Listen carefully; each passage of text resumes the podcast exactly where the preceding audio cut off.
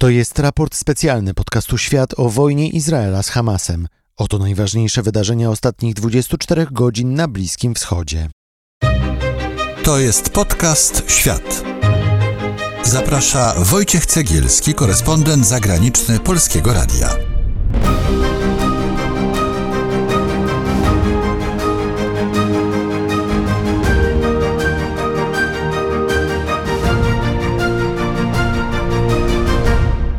Jest poniedziałek, 13 listopada 2023 roku.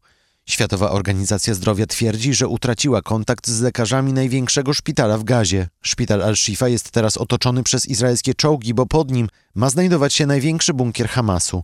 W środku oblężonego budynku jest co najmniej 15 tysięcy cywilów.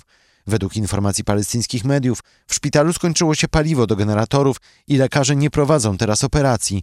Na oddziale położniczym jest 36 noworodków w inkubatorach. Dwójka z nich zmarła, a lekarze twierdzą, że kolejnym dzieciom także grozi śmierć, bo inkubatory nie pracują, a pracownicy szpitala robią co mogą, by ręcznie pompować im tlen. W środku szpitala koczują tysiące cywilów, które schroniły się przed izraelskimi bombami. Palestyńczycy twierdzą, że nie ma możliwości wyjścia z budynku, bo izraelskie wojska na zewnątrz strzelają do każdej osoby. Wcześniej izraelska armia zapowiedziała pomoc w ewakuacji dzieci ze szpitala, ale brak na razie informacji, czy operacja się rozpoczęła.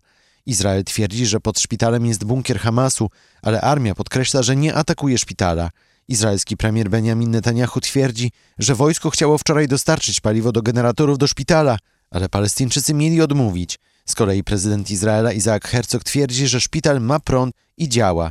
Żołnierze mieli też otoczyć co najmniej trzy inne szpitale w centralnej części Gazy. Palestyński Czerwony Półksiężyc twierdzi, że w szpitalu Al-Quds także skończyło się paliwo, a kontakt z personelem jest sporadyczny.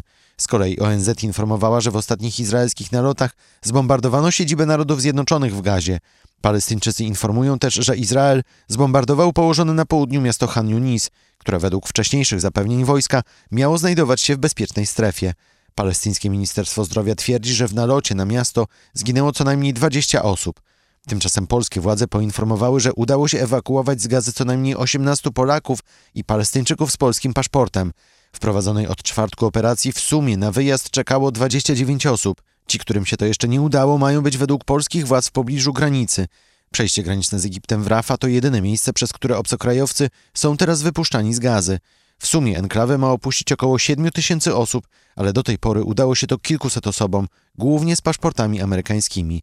W trwających od ponad miesiąca izraelskich nalotach na Gazę zginęło ponad 11 tysięcy Palestyńczyków, w tym co najmniej 4,5 tysiąca dzieci.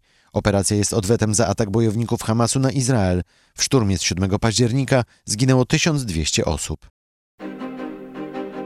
Nasze specjalne raporty na temat wojny w Gazie ukazują się rano na Spotify, a codziennie o 18 na Instagramie i na YouTube Podcast Świat możecie zobaczyć najważniejszy światowy news dnia.